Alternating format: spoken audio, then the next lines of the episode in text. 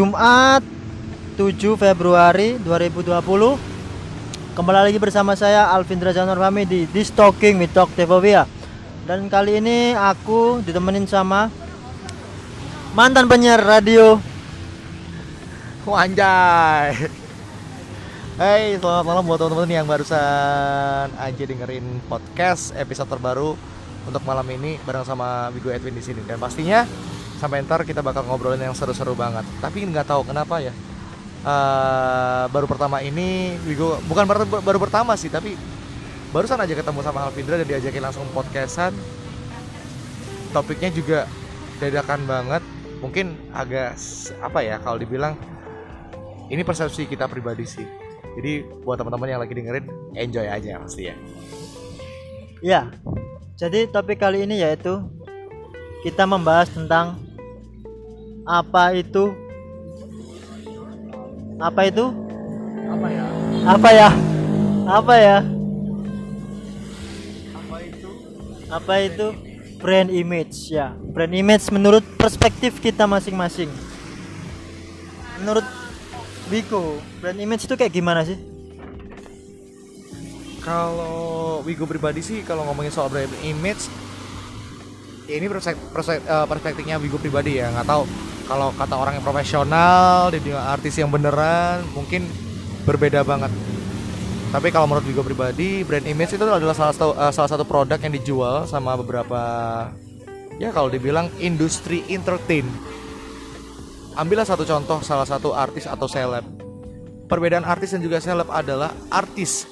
Di dari katanya aja kita udah lihat art adalah seni dan artis adalah artinya adalah seniman dan yang dijual brand image-nya adalah dia karya. Yang dijual adalah karya. Tapi kalau seorang seleb yang dijual adalah sensasi di mana beberapa banyak banget eh, fenomena-fenomena yang ada di Indonesia ini seleb-seleb Instagram mulai bermunculan yang apa ya sorry to say kalau dia ngomong dia nggak punya karya apa pun nggak punya skill apa pun cuma ngejual badan doang. Bukan ke arah konotasi seksual ya tapi ke arah nih loh followers gue udah banyak banget. Nih loh gue cantik banget. Kenapa lo nggak endorse gue kayak gitu sih kalau menurut gue nggak tahu lagi kalau menurut Alvindra Zanwar Fahmi kayak gimana? Brand image menurut aku sih ya mereka itu jual diri untuk dikonsumsi publik.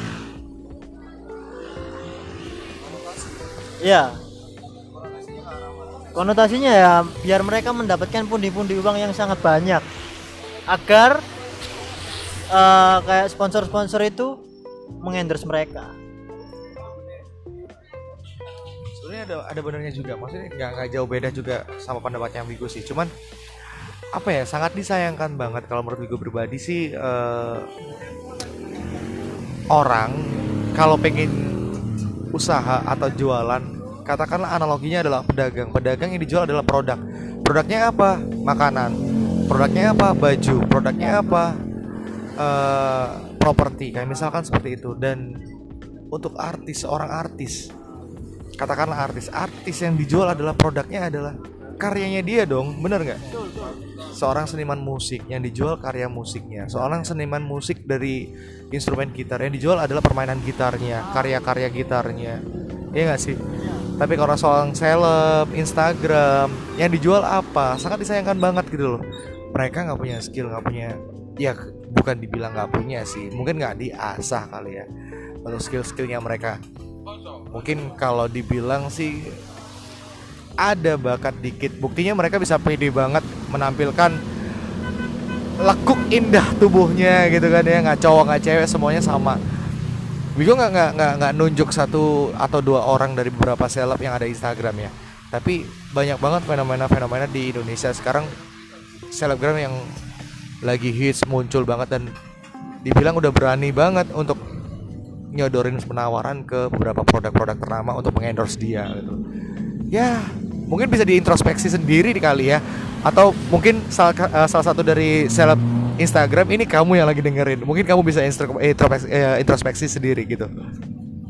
Nah, setelah dijelasin panjang lebar oleh Mas Wigo tadi, saya akan bertanya, apakah Mas Wigo juga brand image-nya apa menjual diri di Instagram seperti itu?